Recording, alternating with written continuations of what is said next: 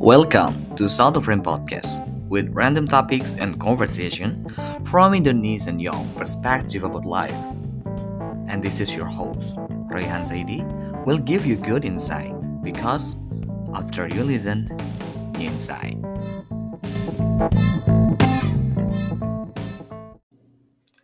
Halo, gua Royhan, tuan rumah Satu Frame Podcast. Jangan lupa untuk kunjungi usaha craft gua di etrohen.co di mana ada gelang dan gantungan kunci handmade yang unik dan menarik tentunya. Ini cocok banget buat cowok dan juga cewek. Buat pacarnya juga boleh nih teman-teman. Nah buat kalian yang juga ingin memberikan hadiah mungkin buat teman-temannya dan mungkin juga buat pacarnya pas waktu ya ada seminar proposal atau juga kegiatan sidang ya habis sidang bisa banget juga kunjungi usaha gua di Rohan Buket.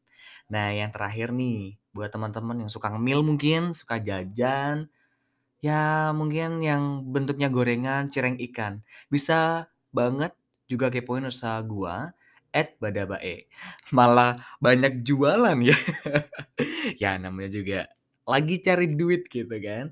Nah, jadi pada kesempatan kali ini gua mengajak duta lagi, seorang duta lagi, namanya ada dutanya juga, Air Langga Duta Purwa Sabdono, bener ya? Angga, apa kabar malam ini? Halo Royhan, selamat malam. Kabarnya Alhamdulillah, puji Tuhan baik, luar biasa. Puji Tuhan baik. Ya, karena di Instagramnya tuh sebenarnya cuma Air Langga Duta ya. Gue tahu nih Purwasabdono, Purwasabdono bener ya? Iya, bener-bener. Rasanya aku belum tahu ya. Gini nih, jadi sebelum sebelum take sesuatu nih ya, gue ada yang namanya riset ya. Antara riset sama kepo tuh sebenarnya beda tipis ya. Jadi teman-teman kalau sebelum tag kadang gini, kok lu tahu sih Han? Perasaan gue nggak pernah cerita sama orang-orang. Itu pentingnya riset. Iya. Oke, ya. Purwa Sabdono. ini arti nama Purwa Sabdono apa? Sabdono ini nama keluarga apa gimana? Iya, dua nama terakhir diambil dari nama keluarga. Kalau Purwa itu dari kakek, kalau Sabdono itu dari bapak. Gitu ceritanya. Oh, asik loh kayak gitu. Kayaknya nanti keluarga gue juga gitu deh. Pengen deh ya. Jadi kayak ketahuan. Anaknya pop.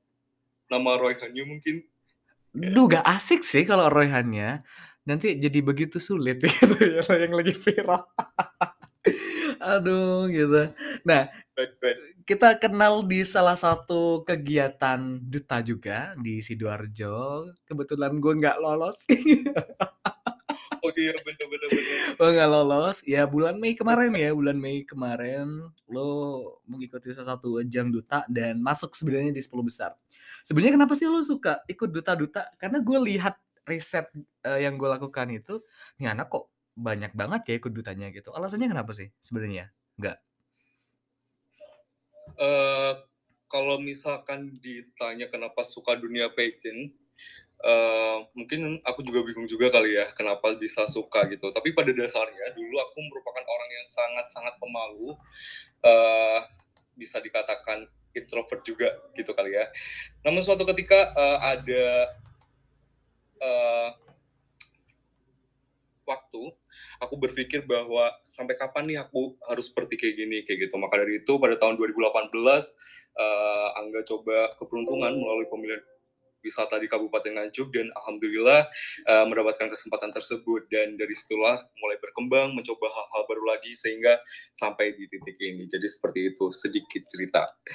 Gitu Berarti loh ya. Berawal dari introvert si pemalu tiba-tiba jadi boom ya. Banyak banget kegiatan duta yang lo ikuti. Dari Nganjuk, SMP 2 Nganjuk gak sih? Iya, SMP gua Nganjuk ih, paling tahu nih. Jadi takut deh. Waduh, waduh, jadi takut. Jadi teman-teman pada bilang gitu, ih kok bisa tahu sih takut deh gue gitu. Oke, Iya, pernah tahu apa-apa nih. iya. Gue udah aja nih. Ikut Kang. Mas Mbak Yu Nganjuk juga ya, tahun 2000 berapa itu? 2018? Iya. 2008. Oke, banyak banget juga kegiatan duta yang lo juga ikuti. Eh di UB jadi ya mungkin finalis saya nggak tahu, gue nggak tahu ya itu lu menang atau enggak. Putra Brawijaya juga ya. Apa lu menang di situ? Iya, eh, kebetulan aku juga eh, ter- Wede. di duta kampus juga dan alhamdulillah juga eh, ada sedikit apa ya uh, amanah buat melakukan atau sedikit menginspirasi mahasiswa untuk menjadi putra uh, berbakat. Oke, gue gue sering nanya sih ke teman-teman gue nih ketika lo dipilih dipilih sama juri menjadi duta ini, duta itu. Sebenarnya kan kita harus tahu ya yang namanya kelemahan, kelemahan sama kelebihan kita sendiri. Menurut lo sendiri nih, nggak apa yang menjadi kelebihan lo sehingga juri ngenotis lo memilih sebagai putra Brawijaya gitu waktu itu? Oke, kalau kalau misalkan ditanya kelebihan ya uh, aku rasa aku juga bingung sendiri sih apa sih yang ada yang ada uh, suatu kelebihan yang ada di diri aku sendiri. Tapi uh, pada dasarnya setiap aku mengikuti sebuah ajang uh, pemilihan serupa seperti duta-duta seperti ini, uh, aku selalu berkomitmen apa aja yang aku miliki ya aku harus uh, memberikan yang terbaik seperti itu. Apa terlepas dari bagaimana uh, hasilnya, yang penting aku sudah memberikan yang terbaik. Ya ini diri aku sendiri uh, tidak, uh, berusaha untuk menjadi diri sendiri aja seperti itu sih. Oke, berarti banyak hal yang sebenarnya bisa dieksplor walaupun memang dulunya Duta sorry, Angga adalah seorang yang pemalu, yang introvert, dan ternyata bisa menjadi putra Brawijaya dan juga pernah ikut kegiatan Duta Lalu Lintas ya, Anjuk ya juga ya. Bener gak sih? Apa lu jadi iya, duta ya, lalu lintasnya juga di Nganjuk? Bener. Oke. Dan ya, uh, sempet di apa? Hmm, oke oke. Jadi banyak hal yang gue pelajari dari seorang duta, uh, seorang Arlangga duta ini ya. Waktu ini kalau gue jujur first impression ketika ngeliat lo ya, anak ini nih kayak cara duduknya gila duta banget. Hmm. Gue yang notabene-nya bukan gue nggak pernah ikut duta-dutaan coy. Seriously nggak pernah ikut. Waktu itu itu pertama kalinya gue mencoba memberanikan diri gitu kan untuk mengikuti ajang itu. Tiba-tiba anjir orang-orangnya kata gue dan gue lihat lo duduknya aja kayak yang udah duta banget gitu loh. itu udah beda banget. Nah, sebenarnya persiapan lo ketika mengikuti duta-duta tuh kayak gimana sih? Enggak. Oke, persiapannya tentu yang pertama uh, dari aku sendiri persiapan materi ya uh, terkait dengan uh, apa yang uh, Angga ikutin pada saat itu kan misalkan waktu itu ketemu Mas Royhan uh, mengikuti duta bahasa yang ya terutama yang perlu disiapkan ya terkait dengan kebahasaan, sastra dan lain sebagainya seperti itu. Kalau misalkan terkait dengan manner, terus uh, physical appearance dan lain-lain itu merupakan uh, tambahan sih bagi Angga seperti itu. Dan lu sekarang, uh, lagi prepare untuk Duta Wisata Raka-Raki, ya, ya nggak sih? Benar benar. Waduh. Eh, jadi takut. Ya kan ya kan kita mencoba untuk mengulik-ngulik gitu kan ya. Uh, berarti lu mewakili. Nganjuk di kegiatan Raka-Raki apa gimana? Iya, di tahun ini diberi kepercayaan untuk mewakili Kabupaten Nganjuk di Raka-Raki, Jawa Timur. Gimana persiapan lu untuk mengikuti Raka-Raki? Karena kalau bisa dibilang Raka-Raki ini lumayan prestisius ya. Uh, anak Pamekasan ya, uh, bisa dibilang daerah gua tuh pernah menang tahun 2016. Kalau lu tahu namanya Ocarya, Tita Uksanggra, Raki, Jawa Timur 2016. Hmm. Ah, dia tuh memang pintar banget sih. Prestis banget ketika dia pulang ya ke daerahnya arak-arakannya banyak gitu. Sebenarnya persiapan lu di kegiatan raka-raki ini gimana gitu?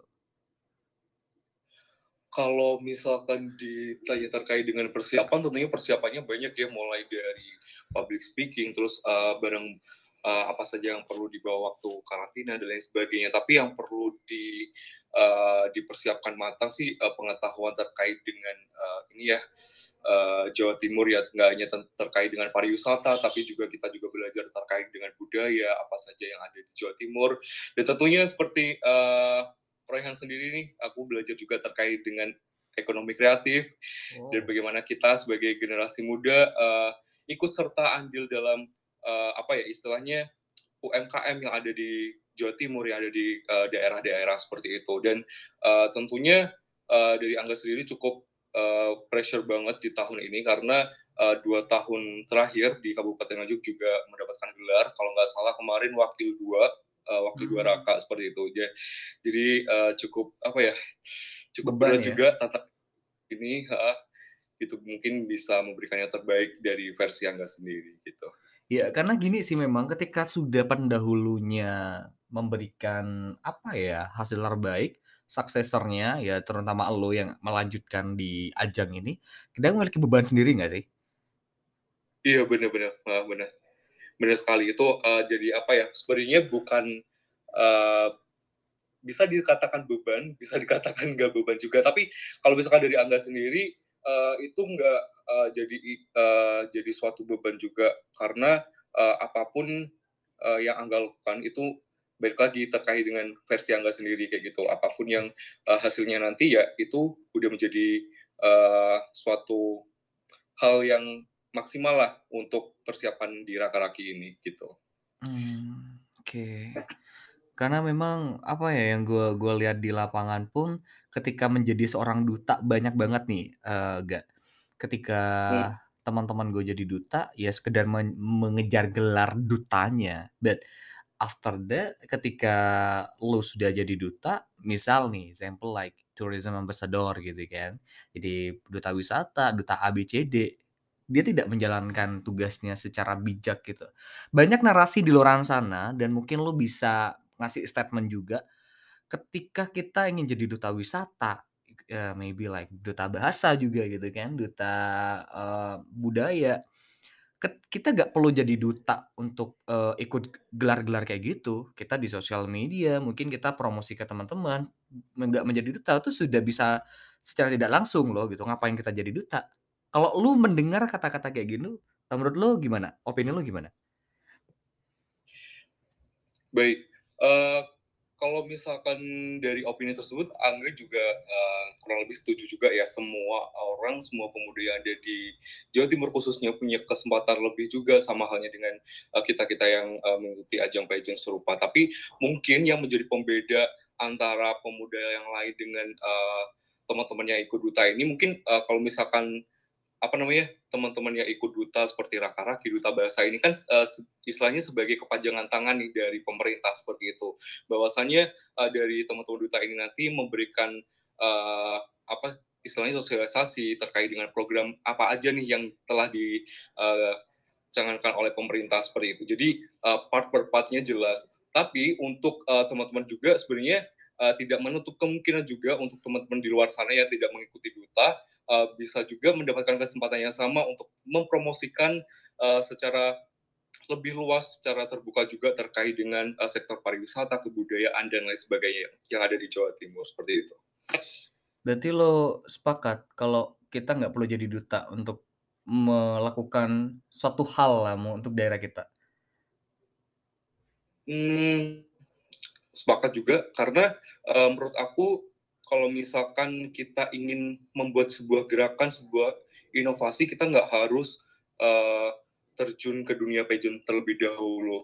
Kamu bisa uh, memberikan sebuah uh, insight, motivasi, inovasi untuk uh, daerah kamu sendiri dengan cara kamu sendiri. Nggak nggak perlu kamu harus menjadi sosok duta terlebih dahulu yang berpenampilan menarik, berpenampilan uh, yang uh, apa yang seharusnya menjadi sosok duta. Kamu bisa menjadi versi diri kamu sendiri, versi uh, sederhana kamu sendiri untuk bisa melakukan sebuah gerakan seperti itu.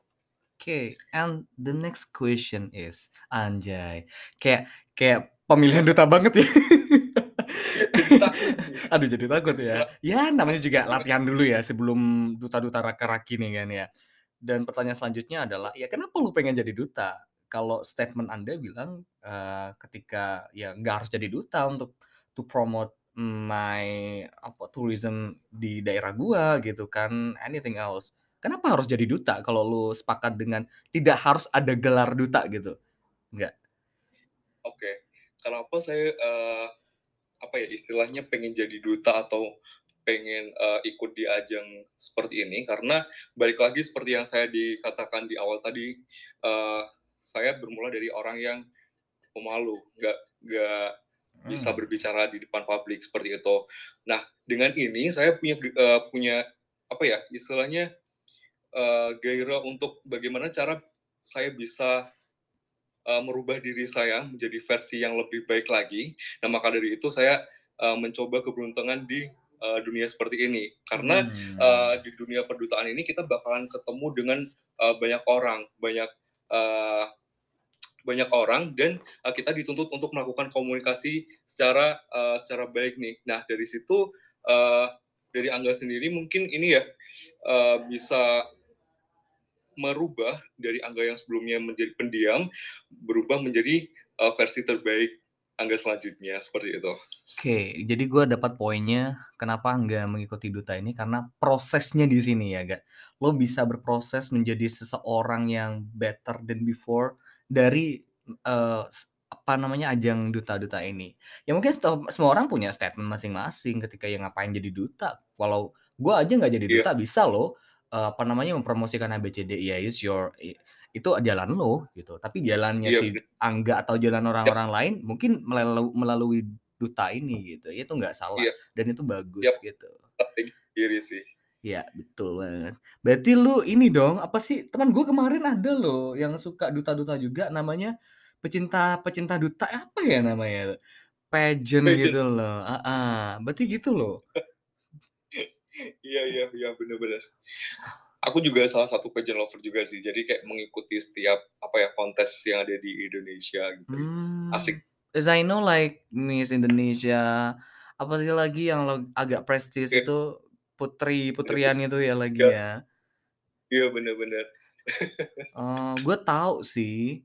Oh lu ngikutin cantik-cantik sih cakep-cakep ya kalau lihat mereka tuh kayak yang oh iya kemarin tuh kan di sini tuh ada tuh apa ya putri putri Indonesia yang kalau nggak salah sumpah cakep banget loh gue liatnya jadi yeah, kayak yang uh, Angga ngikutin setiap kontes seperti itu bukan hanya dari uh, segi visualnya aja tapi bagaimana cara uh, putri-putri ini uh, apa ya menyampaikan istilahnya advokasi mereka kepada masyarakat hmm. ini uh, gak hanya cantik aja, tapi saya juga dapat berkontribusi nih uh, untuk untuk masyarakat, untuk negara seperti itu. Jadi uh, apa ya sebuah motivasi yang gak juga sih ikut duta-duta uh, seperti ini.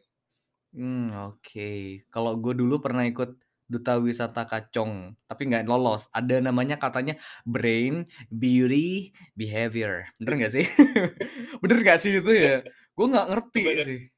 Dan bener, bener. FYI ya, tahun ini gue gue jadi juri duta ya jadi kayak yang anjir gue gue belajar dari mana gitu kan gue nggak punya pengalaman ya udahlah ya uh, Roy kan udah punya tiga aspek itu deh kayak udah sementer gitu udah oh my God. itu gue gimana ceritanya gue ya kalau otak sih punya ya brainnya gue beauty beauty gue gak cakep-cakep amat gitu. Behavior yang nggak seluas-luas amat kan banyak. Aduh, ya amin sih kalau lu nganggep gue kayak gitu. Ya gue aminin aja sih, tapi gue ya amin aja gitu. Oke, lu anak UB, Universitas Brawijaya. Karena gue gini gini tadi ya, gue kan riset tuh pasti kalau gak di Google, di sosial media dan apa pun itu gitu kan. Gue gue tuh mesti misal satu jam, dua jam tuh ngeriset seseorang. Nah gue ngeriset lu, Air Langga Duta Brawijaya. Keluarnya Universitas Air Langga, Universitas Brawijaya. Ini namanya. Jadi agak itu ya, namanya Langga tapi kuliahnya di UB gitu. Iya. Jadi agak ribet gitu. Lu UB vokasi ya kalau nggak salah? Iya, benar, vokasi. Jurusan oh. perpustakaan dan arsip. Apa? Jurusan apa? Perpustakaan dan arsip. Oh, so cool, man. Gue nggak pernah denger apa namanya? Gue nggak pernah denger prodi ini. Ini tentang apa? Perpustakaan dan arsip ini. Eh, uh, ya dari namanya aja sih perpustakaan yang pasti ngurusin buku-buku ya. Uh -huh. Tapi uh, kalau misalkan ditanya uh, terkait dengan prodi ini sebenarnya prodi ini juga uh, apa ya istilahnya juga baru juga di UB seperti itu dia kalau misalkan di vokasi kan uh, terkenalnya dengan kalau misalkan nggak perhotelan perbankan keuangan kayak gitu deh jadi uh, perpustakaan dan nasib ini salah satu apa ya prodi yang baru juga sih bisa dikatakan uh, prodi yang masih baru juga yang ada di vokasi gitu. Tapi keren sih karena ternyata uh, perpustakaan juga ada yang sampai menjurus ada prodinya gitu ya berarti? Iya, heeh. Oh, I see. Menarik sih, gue pengen lebih jauh tahu tentang ya mungkin tentang perpustakaan dan arsip dan mungkin cerita-cerita lain dari Angga, tapi jangan ke mana-mana, tetap di episode ini.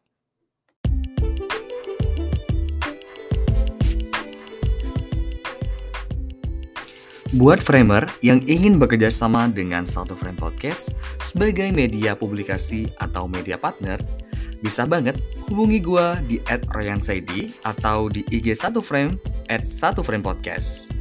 Ditunggu kerjasamanya ya.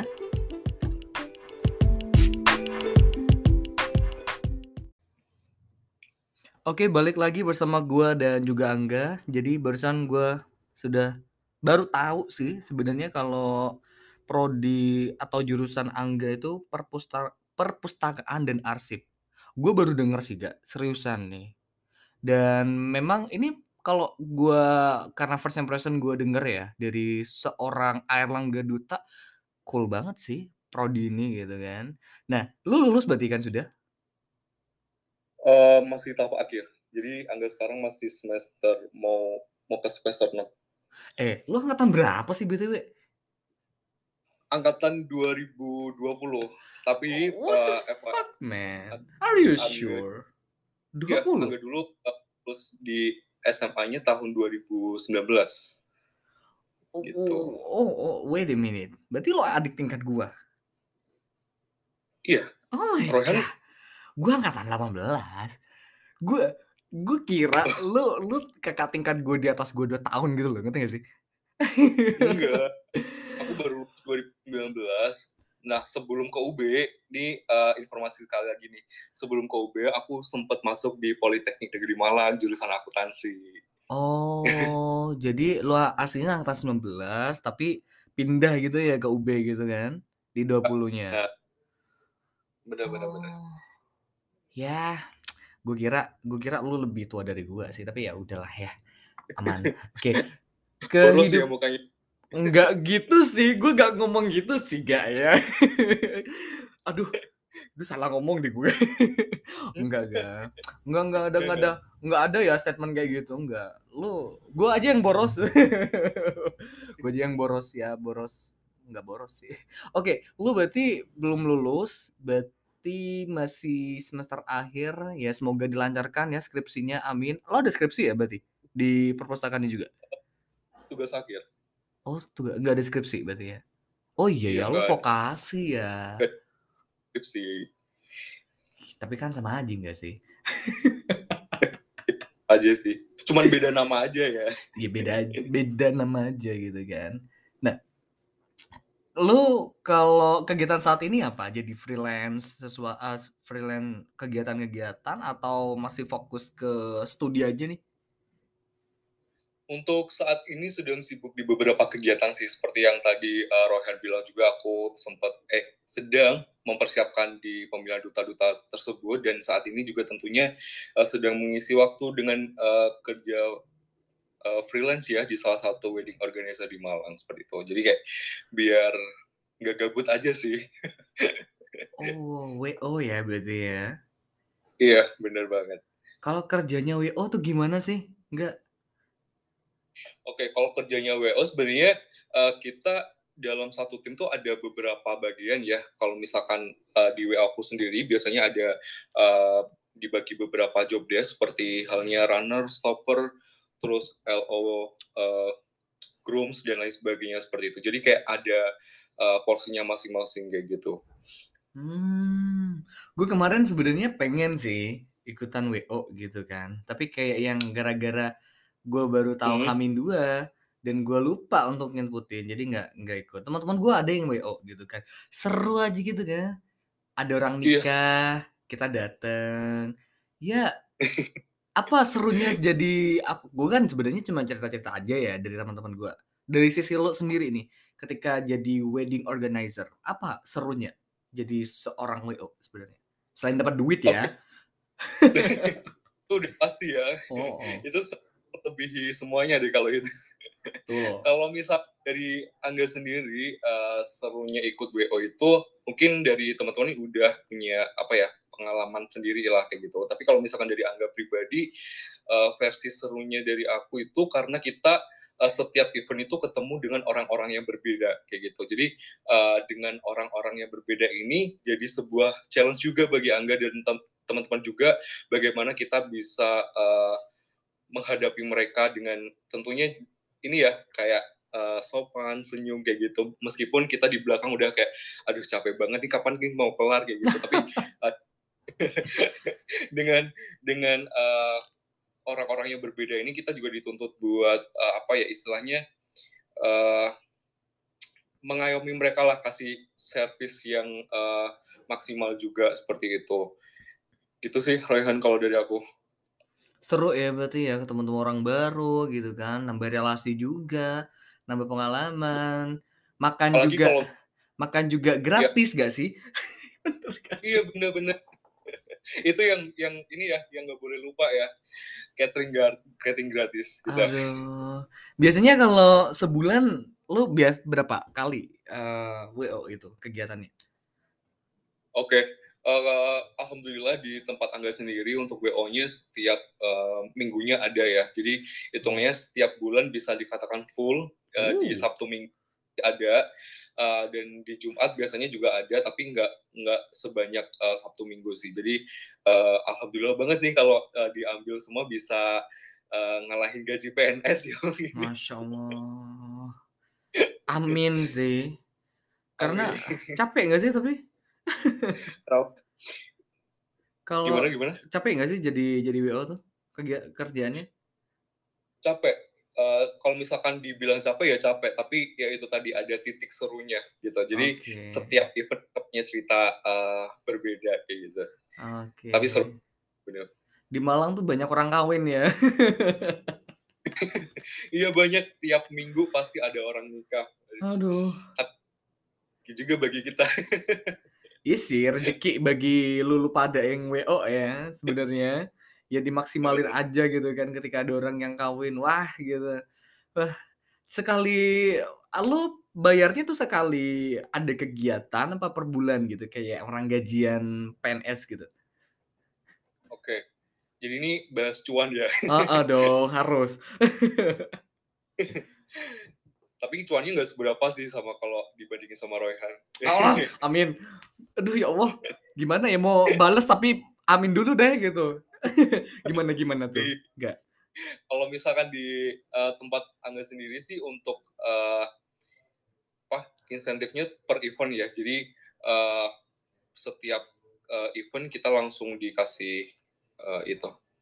Dikasih cuan istilahnya kayak gitu. Tapi ada juga beberapa uh, WO yang di Malang menerapkan sistemnya kayak misalkan sebulan baru dikasih kayak gitu. Soalnya kan kalau misalkan Angga sendiri nggak Angga sama teman-teman yang ada di WO itu nggak selalu setiap minggu ambil jobnya kayak gitu. Mungkin uh, di uh, di minggu keberapa Angga nggak bisa jadi digantiin sama teman yang lainnya kayak gitu. Hmm, oke namanya juga freelance ya, sekata-kata gue yeah. gitu.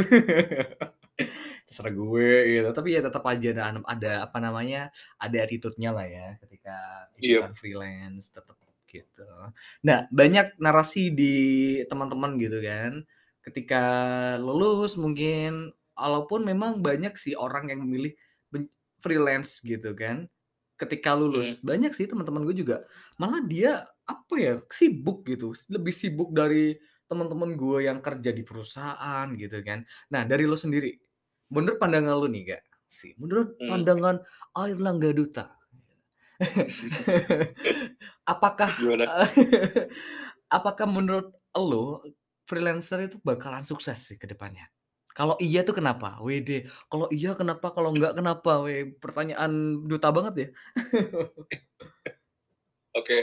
uh, eh, jadi kalau misalkan ditanya uh, freelance itu bakalan sukses apa enggak? Jadi kayak aku balikin lagi sukses setiap orang tuh beda-beda seperti itu. Tapi uh, saya rasa jika freelance itu uh, jika kegiatan yang uh, kita ikuti dapat dimanfaatkan dengan baik ya why not kayak gitu dan uh, ilmu yang kita dapatkan pada saat uh, bergabung dengan organizer ini dapat dijadikan sebagai misalnya apa ya hmm, acuan pengalaman apabila kita uh, kerja sendiri nantinya kita kan juga nggak tahu angga angga sendiri juga nggak tahu uh, beberapa tahun kemudian apakah angga juga bakalan uh, buka sendiri WO atau Amin. IO kan kan kita juga nggak tahu kayak gitu jadi kayak uh, dengan kita bergabung di WO ini aku rasa juga bisa sukses juga sih gak menutup kemungkinan juga seperti itu Oke, gua aminin lu buka WO sendiri sih daripada kerja sama orang. Capek kerja sama orang tuh gak. Karena gue dulu Amin. tuh pernah ya, tahun lalu gue magang ya di Pasuruan tuh, kerja sama Hmm. orang, kerja sama Cina. Aduh, rasis banget. Tapi Oh, emang iya. Cina sih ya. Masya Allah. gue kayak yang jadi budak korporat, ngerti gak sih lo? ngerti gak sih? Iya kan kan tahu sendiri orang Cina gimana Oh, oh, keras banget dia kerjanya. Maksudnya bukan kasar loh ya, keras gitu. Harus disiplin ABCD, bener nggak apa-apa Hmm. biar nggak rugi gitu kan. Tapi iya benar-benar aduh se sehari lima puluh ribu, empat puluh ribu cuy dibayarnya buru-buru sana. Apa enggak se, se berarti sebulan tuh sejuta dua ratus, sejuta dua ratus. Oh. Gila. Dan itu full full 7 jam kan sehari. Nah, di situ gua kepikiran untuk enggak nggak mau kerja sama orang gitu kan. Itu tuh idealisme gua yang mungkin gua bawa sampai sekarang gitu. Capek lah kerja sama Iya. orang gitu kan. Ya gua aminin lu juga bakal buka WO lah nanti gitu kan nanti ya. Amin. Iya. Nah, Amin. ngomongin tentang kerja sama orang. Nah, nanti lu bakalan kerja nggak sih apa tetap menjadi seorang freelance yang ya pekerja lepas yang sangat enak-enak ini gitu kan. Nggak terikat sama kontrak-kontrak yang seperti itu gitu. Oke, eh, kalau misalkan ditanya eh, nanti rencananya kerja atau enggak, tapi memang eh, agak ada keinginan sendiri sih untuk apa ya mendirikan sebuah event organizer juga seperti itu karena pada dasarnya Angga juga eh, sangat tertarik dengan dunia entertain karena Uh, dunia ini kayak apa ya aku ngerasa ya ini aku banget kayak gitu. Jadi ya, secapek-capeknya aku join di uh, wedding organizer ya nggak secapek yang teman-teman rasakan. Karena ya ini pilihan aku sendiri karena aku jalanin juga enjoy kayak gitu. Nah mungkin uh, beberapa tahun ke depan kalau misalkan ada uh, kesempatan diberikan rezeki juga uh, insya Allah bisa um, ya mendirikan seperti teman-teman kayak gitu. Nanti juga berguru juga nih sama Royhan. Aduh, mendirikan usaha yang baik itu seperti apa gitu aduh. Merasa berat loh dik ada keninginnya. Aduh, enggak, enggak gitu, Kak. Jadi jadi gini ya. Lu first impression ngelihat gua waktu itu gimana sih? Anu ya, rame ya orangnya. Iya rame tapi asik banget sih di Asik. saat yang naiknya pada serius nih orang kok bisa kayak gini ya masih santai aja gitu cakep sih tapi Iya, gue tuh mikirnya gini sih, eee, gue tuh nggak pernah gue sebenarnya gue pernah ikut duta-duta, tapi di kuliah tuh nggak pernah. Di SMA tuh gagal tok gitu kan. Duta lalu lintas gue juga pernah ikut, gagal. Duta wisata Kacong ya gitu, gagal. Duta apa satu lagi, gagal. Oke 3 kali duta gagal gitu kan. Habis itu di kuliah itu pas waktu itu doang nggak, waktu kemarin itu. Jadi gue nggak ngerti gimana caranya, apa ya, me-manage diri gue di teman-teman yang duta. Kalau kayak esai, debate udah kayak oke pernah gitu kan. Duta ini gak makan hari-hari ya Nggak makanan juga sih ya Kak ya. Tapi pernah lah gitu kan. Pas waktu di duta tuh kayak yang, aduh gue harus tampil beda nih biar kenotis sama anak-anak nih gitu kan.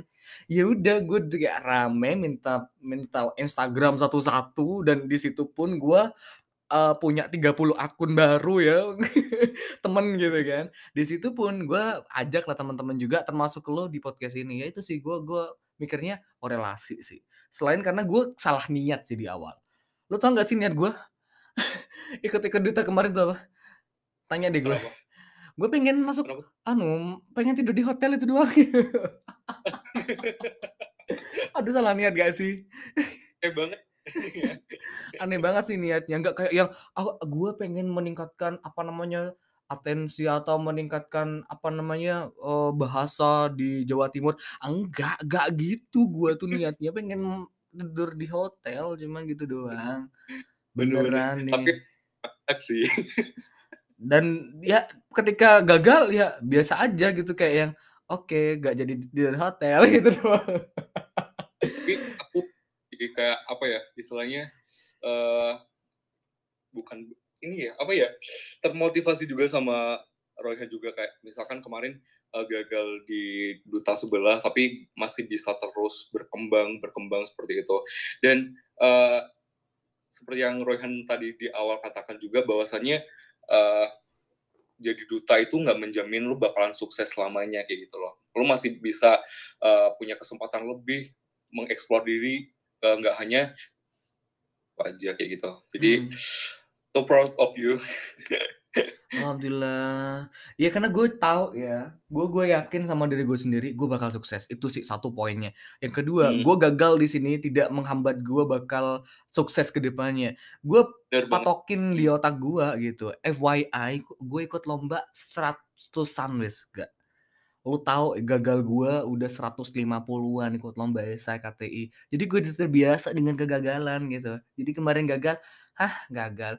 Gue pernah ya di Januari di bulan Mei masih pandemi 2020, gue ikut 6 lomba esai, gagal semua bulan Mei itu sebulan. Stres gue stres, tapi dari situ gue belajar, oh ternyata gini ya prosesnya gitu. Dan di situ tiga bulan kemudian, gue langsung sebulan dapat dua juara. Oh gini ya nikmatnya proses, gue bilang gitu. Gitu sih, gue yakin, gue yakin gue harus, gue harus apa tetap sama proses gitu. Walaupun gue rasa Bener, kemarin gue gagal di Duta, tapi ternyata gue banyak temennya. Ya enggak sih? Lo, si siapa itu Dinda ya, si Mas ya, Fajar, Dinda. si siapa namanya yang juara satu itu? Uh, oh iya. Siapa wes itu? Anin, iya. Anin. Banyak relasi. Ah, banyak relasinya. Kan di situ ya lebih penting sih menurut gue. Karena gini, gue punya temen nih, dia tuh juara gitu kan. Dia itu juara tapi relasinya apa ya, dia cuma, uh, pentingin juaranya doang, nggak eman gitu loh kata gua. Aduh yang penting relasinya cuy, gue melihatnya di situ sih. Nah ngomongin tentang keinginan lo tadi itu kan, salah satu keinginan lo adalah pengen ngebangun event organizer eh sorry wedding organizer yang ada di, uh, Malang mungkin ya, mungkin di Nganjuk mungkin nantinya. Resolusi lo di 2022 ini apa sebenarnya? Selain yang sudah yang lo sebutin tadi dan yang mungkin sudah kecapai nih, karena kan bulan Oktober ya sekarang ya, dan mungkin yang akan lo lakukan selama dua bulan ini nih, Kak. Oke.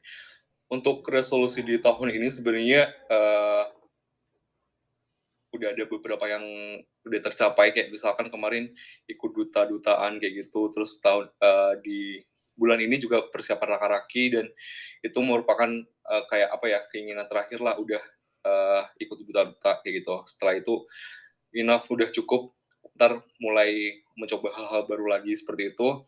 Dan tentunya untuk di tahun ini apa ya ya semoga bisa menjadi pribadi yang lebih baik lagi lah tentunya. Nggak nggak banyak permintaan juga dan uh, lagi-lagi ingin mencoba hal baru di luar zona nyaman karena itu menurut aku perlu banget kita nggak bisa stuck di satu uh, tempat aja kita uh, harus apa ya istilahnya uh, keluar dari zona nyaman untuk lebih lebih lebih dan lebih lagi gitu. Oke, berarti harus keluar dari zona nyaman gitu ya.